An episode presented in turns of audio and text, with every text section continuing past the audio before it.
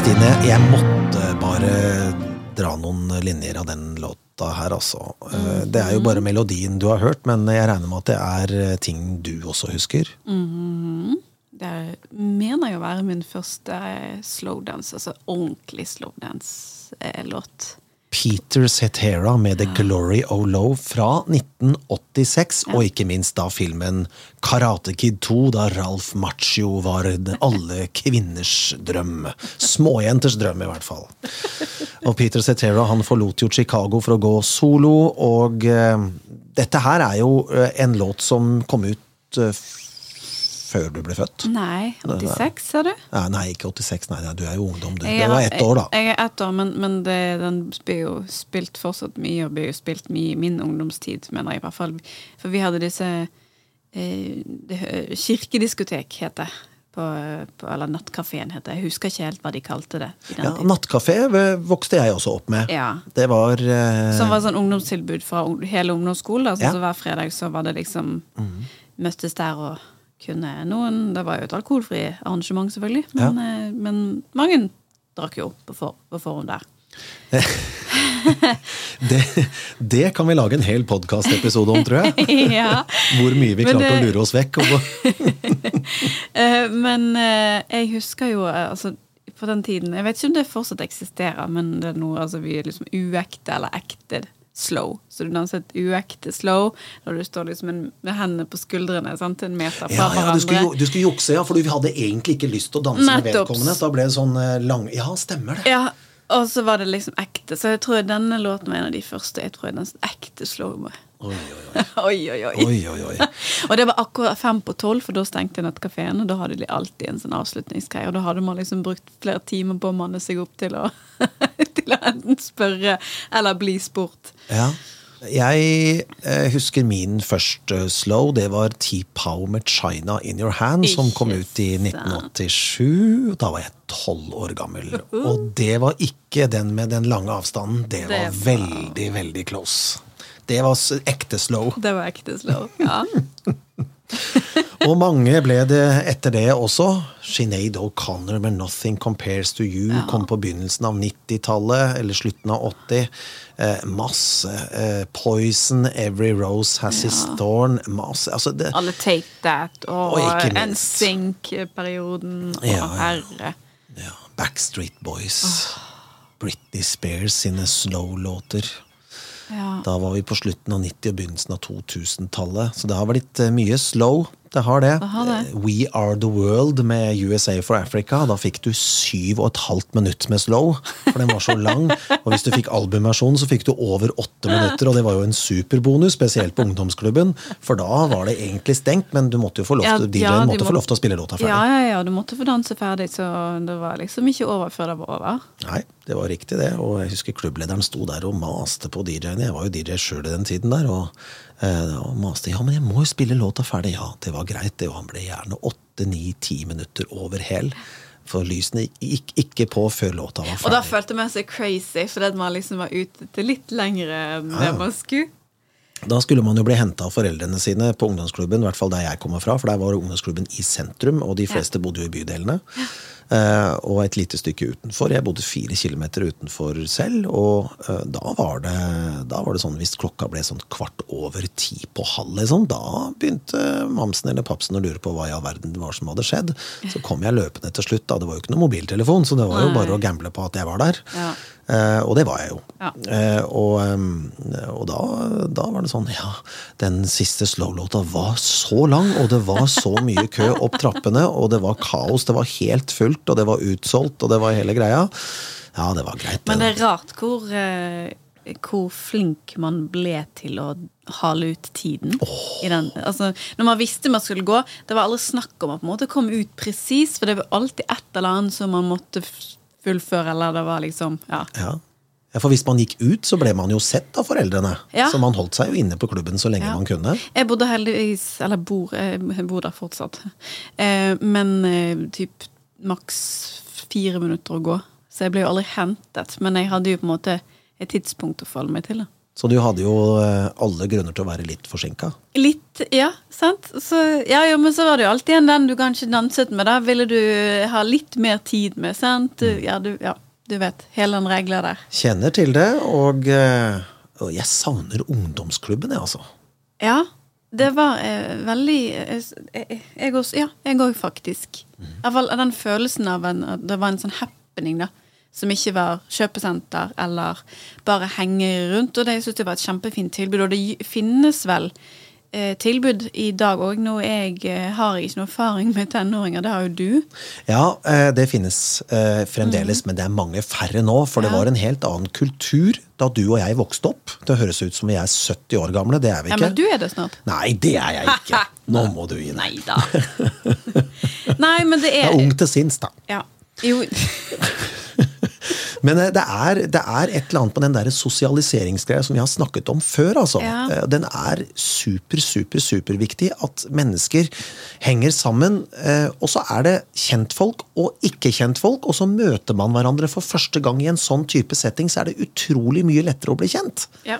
Og da kommer den der avstandsforelskelsen betatt på en litt mer jeg vet ikke, Det er vel gammeldags å si på den ekte måten, for nå bruker man vel Tinder, og så går man på en fjelltur sammen hvis man syns at hverandre er pene etter en selfie. Ja da, eh, og så ja, Det jeg ser på bildet er pent, ja fint, da tar jeg en fjelltur med han eller henne.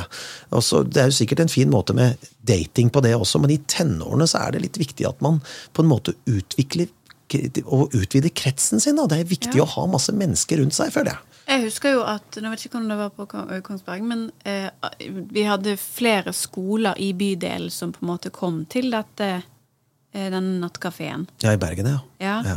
Så, men det var jo ennå du skulle ha en tilhørighet til kanskje bydelen. Men, eh, men likevel så ble det jo at du fikk nye bekjentskaper utover klassene som du gikk i, da. Eller skolen. Og det syns jeg var veldig fint.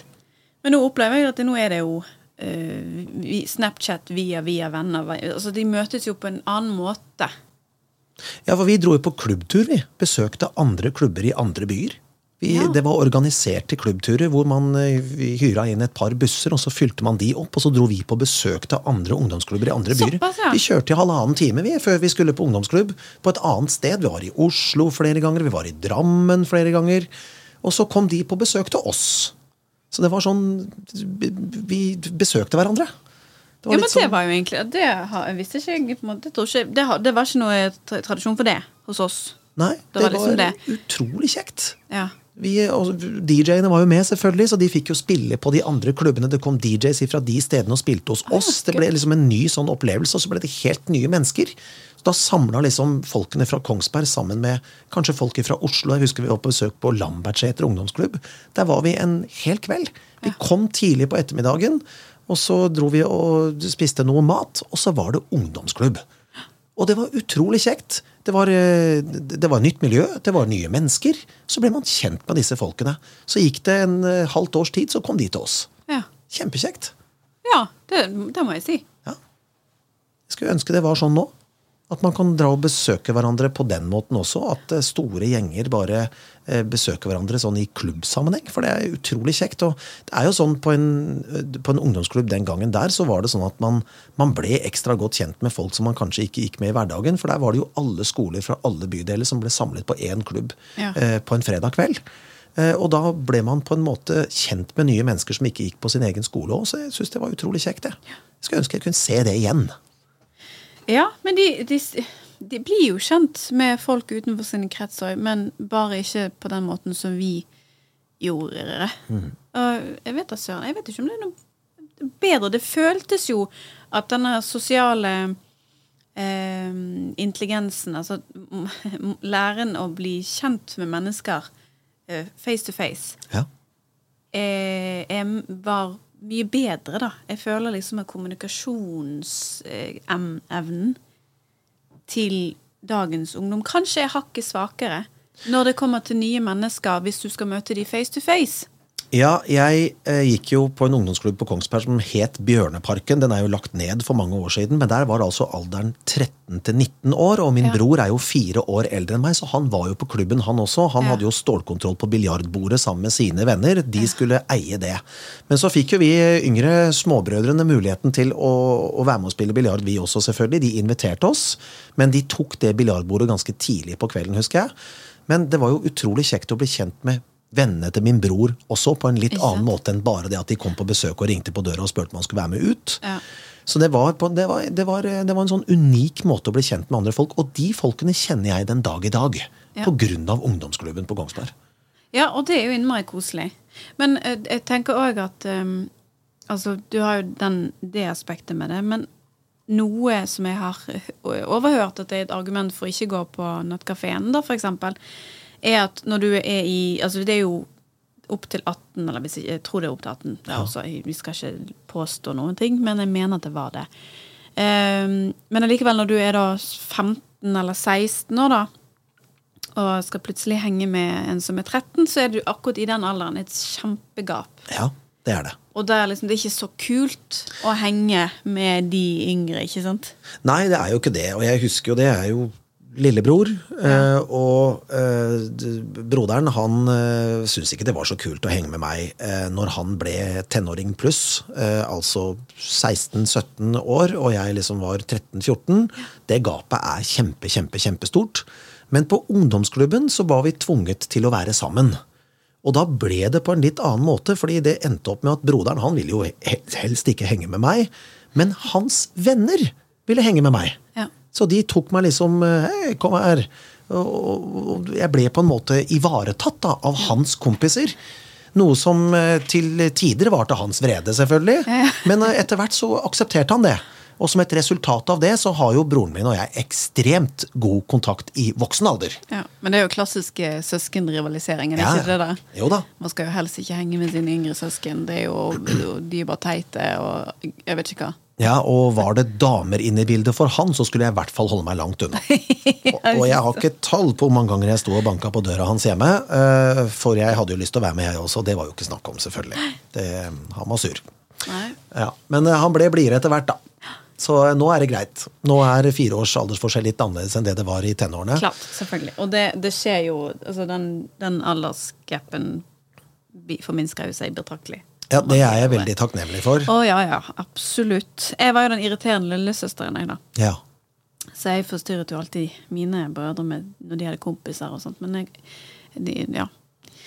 Men du, du var ikke velkommen, du heller? Nei, jeg vet ikke, men jeg, jeg hadde jo ikke skjønt jo ikke Jeg visste jo ikke bedre, så jeg gikk jo bare inn, jeg. Ja. De hadde jo snop der inne, så Ja. hvorfor i verden skulle ikke jeg få lov til å komme inn? Nei, der kan du se. Det, det, var, det var grunn nok til. Men hva sa brødrene dine, da? Ja, det husker jeg ikke. Når du, når du t- tvinget deg på? Jeg husker ikke. Men eh, nei, jeg vet ikke. Jeg, så jeg var jo såpass lille, lille, lille, lille søster, Ja. så jeg, de var ganske snille. Ja. ja, det er bra. Jeg var ikke lille lillebror. Jeg var Nei. fire år yngre, og i, Ja. i den, han var i den verste alderen, og, det, og jeg var i den mest nysgjerrige alderen, så Mm. det passa jo bra. Men der var det også sånn at broderen og jeg vi hadde jo rom eh, fem meter fra hverandre. Eh, og mamma og pappa må jo ha hatt det ganske fælt i begynnelsen, for broderen han spilte heavyrock, rock og jeg spilte litt mer kommersielt. Eh, så det var jo bånn gass fra begge eh, barneromma, og det snakker mamma og pappa om den dag i dag også. At de i det hele tatt klarte å holde ut. Men jeg har jo vokst opp i et eh, hus hvor døra har vært åpen 24 timer i døgnet omtrent. Ja. Hvor alle, eh, både broren min eh, og mine venner, har vært velkommen uansett. De har også tatt imot eh, våre venner med åpne armer og spilt kort til langt utpå kvelden. Og de visste, foreldrene visste hvor de var. Jo, men akkurat det er jeg veldig for. Uh, at man det, Jeg vil jo si at det er bedre det, at de er hjemme hos noen, enn at Ja. det på en måte henges ute i gatene. For jeg føler at det er også blitt en sånn kultur at det er gøy å henge på eh, steder altså, som er med kjøpesentre og etter stengetid, og at det blir sånn utehengekultur, hvor man sitter og drikker det borte i, i skogen. Ja, Vi satt og spilte kort til langt utpå kvelden, og eh, spesielt i helgene så Ja. fikk de jo, da fikk man jo lov til å være ute litt lenger. Ja. Men eh, hos oss så var det kortspill med vennene, både mine og broderen sine, Var det bedre før? Ja. Ja, det var det. Jeg vet jo at det er mange som også kjører det greiene nå. eh, At eh, huset er åpent. At man kan få lov til å være hjemme hos noen istedenfor. Ja, Hvis man var sulten, så fikk man mat. Ja. Og hvis man hadde lyst til å være med på noe gøy, så var det ikke noe problem å spørre mamma og pappa. De var med uansett. Ja. Og det var som oftest kortspill de gikk i. Vi spilte amerikaner. Ja. Og det var kjempegøy. Holdt på i mange timer og spilte amerikaner. Og det syns jeg var utrolig kjekt, og jeg håper det eksisterer enda. ja, men det tror jeg det gjør. Men det er jo ikke sånn, så er det jo noe med det ikke alle som har plass til har en ekstra stue, sant? eller en kjellerstue eller en loftstue. Sant? Så det foreldrene måtte, ja, Kanskje de bare tenker at da får alle være i stuen, og så er man sammen alle sammen. Men i en eller annen periode av, av den ungdomsalderen så er det jo ikke alltid kult å henge med, med foreldre. Nei, de, var jo, de er jo ganske ungdommelige den dag i dag. De har Ja. jo passert 70 begge to, og vel så det. Og, men allikevel, de er ganske ungdommelige. Og Ja. det var nok derfor det fungerte bra også. Men jeg husker veldig mange andre foreldre fra mine venner i oppveksten som også var veldig ungdommelige. Og jeg spilte jo fotball fra jeg var seks år gammel til jeg fylte sikkert 15-16. Eh, og der eh, hang laget sammen. Det var jo halve klassen min. Men foreldrene var utrolig flinke til å stille opp på fotballtreninger og kamper og det som var. Og vi reiste hele eh, gamle Buskerud rundt på fotballturneringer. Når vi ikke spilte seriekamp, så var det jo fotballturneringer i helgene. Og da var det å pakke ned telt, og det var fra, grillen skulle være med. og Det var liksom, det ble alltid en sosial Ja. happening. da. Ja. Og det var liksom, du, du føltes ut som du var på Ullevål stadion og spilte landskamp hver gang disse foreldrene var, de sto jo ute på banen og heia. Ja. Og vi var bitte, bitte små. Men det var utrolig kjekt. Ja. De, de rett og slett bare bærte oss frem.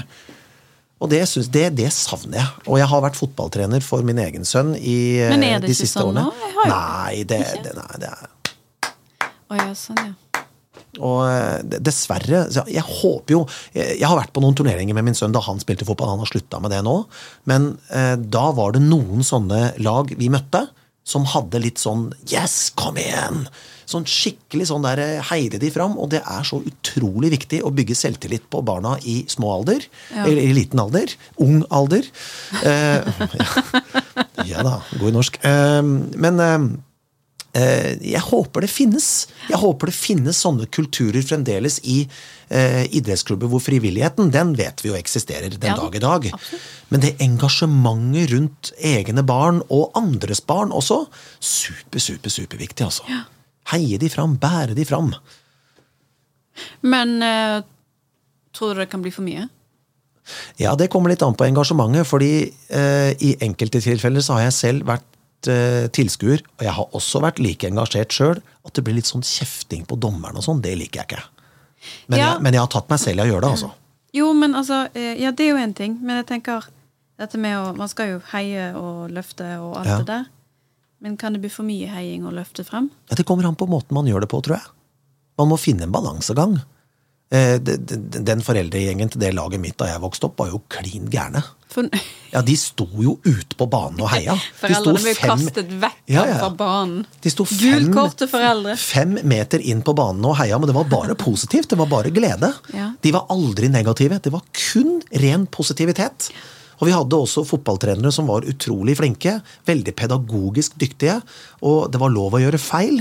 Det var ikke noe sånn der, nei, nå, men du, det, er, ikke sant? Det, var, det, var, det var sånn Neste gang så eh, kanskje Det var sånn pedagogikk inni bildet her da, som var bra. Og det var foreldre. Det var foreldre til to av spillerne.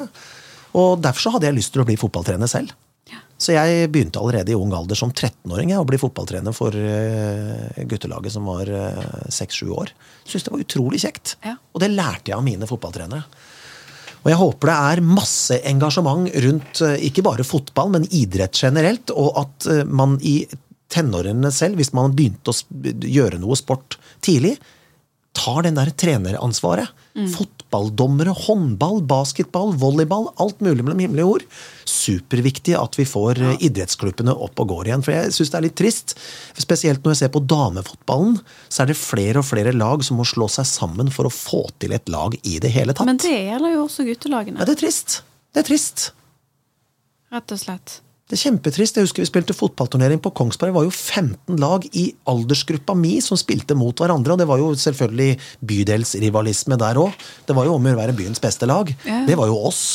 Men eh, foreldrene var jo selvfølgelig helt eh, annerledes. De, eh, de heide jo bare, de, de heide jo bare sine, sine spillere og sitt lag fram. Men for oss så var det rivalisering mellom skolene, rett og slett. Men kan det ha noe med at tidligere så var det jo Altså, de hadde de klassiske fritidsaktivitetene. Nå er det jo et Ja. ganske større eh, hav av muligheter når det kommer til hva, altså, hva man skal gjøre på fritiden.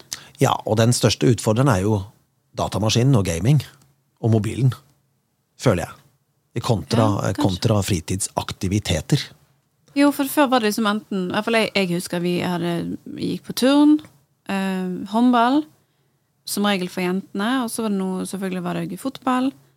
Um, og så var det ikke så veldig mange som drev med noe annet uten. Kanskje basket, og sånn til en viss grad. Men nå har du jo ski, og du har skøyter, du har eh, volleyball. Altså, jeg vet ikke, det, det er jo Ja. Badminton, tennis og alt som det er så mye mer, da. Ja, for jeg var jo aktiv eh, hele året. Jeg spilte fotball om sommeren. Ja. Og fotballaget valgte å trene håndball om vinteren. Så vi holdt oss i form gjennom hele sesongen. I tillegg så gikk jeg konkurranselangrenn. Ja. Så jeg og mamma og pappa, det er eh, all ære til de. Det, og broderen holdt på. Han spilte fotball, han spilte basketball, og han gikk også på langrenn. Så de var jo ute med oss hver eneste helg, året rundt. De var sjåfører, og de stilte opp og syntes dette her var skikkelig ordentlig moro. Og det savner jeg. Men, men det finnes jo i dag òg. Altså, det er jo det mange som måtte gjøre og stiller opp. Men kanskje ikke i samme grad som før. Jeg, Jeg tror tidsklemma ødelegger det. ja. Jeg tror det. For jeg er forelder sjøl. Og jeg ble jo hoppende glad da datteren min på fem år i forrige uke sa pappa, du og jeg skal gå i svømmehallen.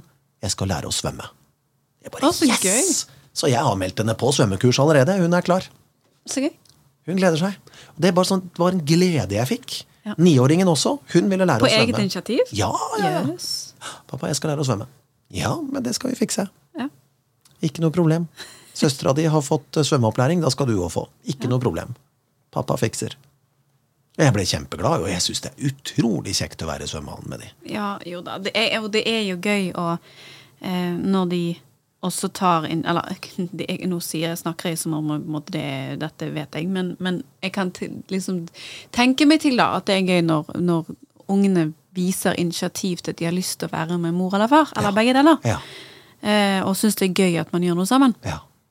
Eh, men det, det var jo Opplever jeg iallfall var bedre før. Altså, Jeg husker jo at jeg var med venninner på hytteturer med foreldre. sant? Og som du sier, det var, det var brettspill, og det var kortspill og alt det der. Jeg vet ikke hvor mye det skjer nå.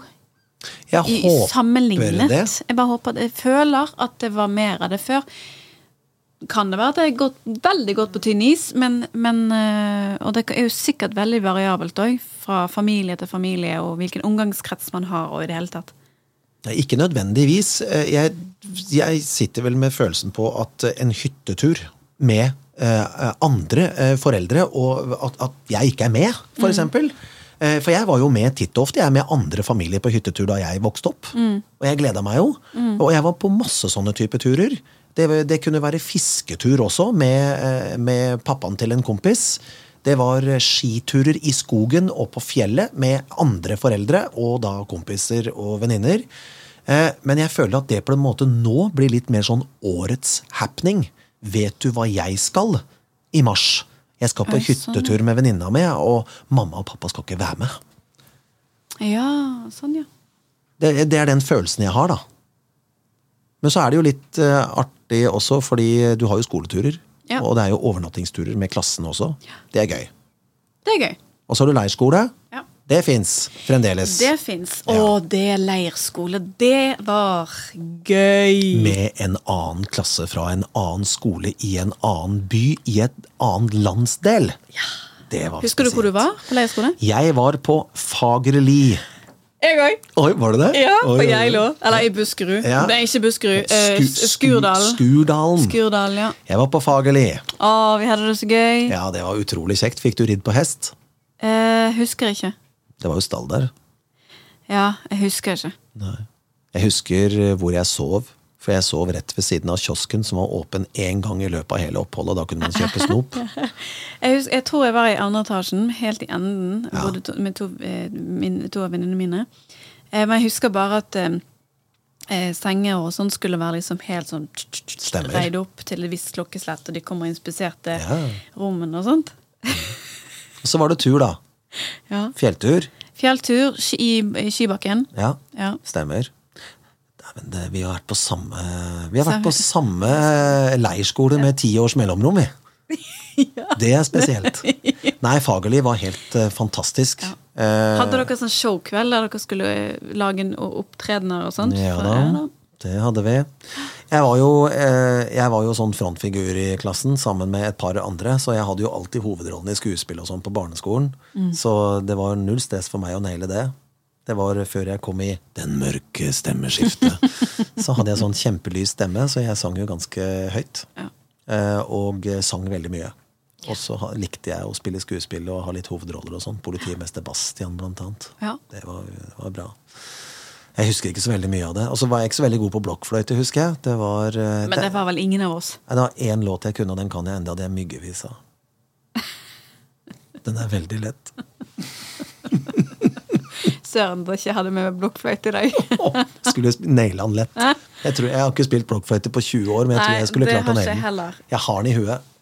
Altså, nei, vi skal ikke gå inn på det der, men jeg bare at blokkfløyte er liksom det beste du kom på til å lære folk interesse for musikk. Ja, det, det, var på en måte, det var på en måte pensum, det. At du skulle lære å spille blokkfløyte. Ja, men hvorfor? Nei, det er et godt Kunne ikke du heller putte på en gitar? Jo, det hadde vært fint. Jeg skulle gjerne ja, det, ønsket jeg å spille skjønner at uh, du fikk jo disse blokkfløytene, så det er jo sikkert en kostnad inn i dette. Ja, Eh, men det er jo en helt annen diskusjon. det er det så absolutt. Men du lærte å spille blokkfløyte, du? Du er god på blokkfløyte? Kjempegod. Dra det frem daglig. Ja. ja, datteren min eh, på fem hun ville ha blokkfløyte til bursdagen sist. Å, fy. Så Fikk hun det? nei. Nei. Jeg vet hvor mye lyd det blir. Men nå har du jo begynt med blokkfløyte på 17. mai òg, nå i sånne miniutgaver, så nå kan du jo lære å spille blokkfløyte fra du er bitte, bitte liten. Så det ligger et par sånne hjemme, og det, det lager lyd, det, for å si det sånn. Ikke så høyt som en blokkfløyte, da. Neida, for det men det er klart, voldsomt. kan du spille, så, så eh, funker det jo. Men, men de aller fleste spiller jo ikke Nei. bra. Nei, men når bruker man egentlig blokkfløyte? Nei, det Nei, jeg vet ikke. Det Det er fløyte, liksom, men ikke Ja. blokkfløyte. Det, men det er vel kanskje samme prinsippet. Nå ja. Nå, ja, ja. ja, nei, jeg vet ikke. Jeg, har- jeg har i hvert fall aldri hatt et behov for å bruke blokkfløyte. Men som sagt, de som kan spille blokkfløyte, da kan det jo på en måte være et fint eh, supplement, kanskje. Ja, Kanskje vi skulle invitert eh, noen av podkastlytterne våre til en blokkfløytekonsert? Ja, Ja. Der du og jeg spiller. Du, og jeg? Ja. Mm. Så skal vi lære oss myggevisa sammen. Så kan vi spille den tostemt. Hjelp. Herregud. Ja, var alt bedre før? Nei, ikke blokkfløyten. Nei, jeg er vel enig i det. Men ungdomstiden Ja. syns jeg at uh, man kanskje sitter mer igjen med. Ja, jeg vet ikke helt hva ungdommen gjør nå. Til tross for at jeg har en sønn på 14, så vet jeg har jo litt anelse. Det er mye Jo, jo. Snapchat, og det er vel egentlig der de plukker opp litt, eh, litt eh, kretser, da. eh, Sånn utenfor de vante vennene man går Ja, de har jo flere tusen de driver og snapper med daglig. Så Ja. det er sånn, hvem er det da? Nei, jeg vet ikke. Det er en, vi, en som jeg kjenner via, via, via, via. Ja. Og så du har aldri møtt dem? Nei. Ok. Har du tenkt å møte de, da? Nei, jeg vet ikke. Kanskje, kanskje ikke. Kanskje en gang. Ja. Det er liksom ikke noe, det er ikke noe plan bak det. Nei. Og så har du dagens ungdom, da, som uh, bruker Tinder og går på fjellet. Men da, da, da er vi voksen ungdom. Ja, nå snakker vi voksen ungdom. Ja. Så er det mye trening. Ja. Eh, nattklubb er det, Det er jo ganske fint, lite da. av. Det, ung- Ja. at de liksom blir opptatt av å kanskje trene. Det er jo fint. Ikke alle, men mange. Ja, det, Det er en sunn greie, da. ja, det er en sunn greie. Det er det absolutt. Bare det ikke er om å gjøre å bygge mest mulig bisser, da. Nei. Nei, da er det jo bedre å Da gjøre noe funksjonelt ut av det. eh, ja, bruke de bissene til noe istedenfor å vise de fram. Ja. Det er eh, sommer bare én gang i året. Høst, vinter og vår er det hvert år. ja. Hvis det er lov å si. Høst, vinter og vår. Herregud. ja, det må være lov å si.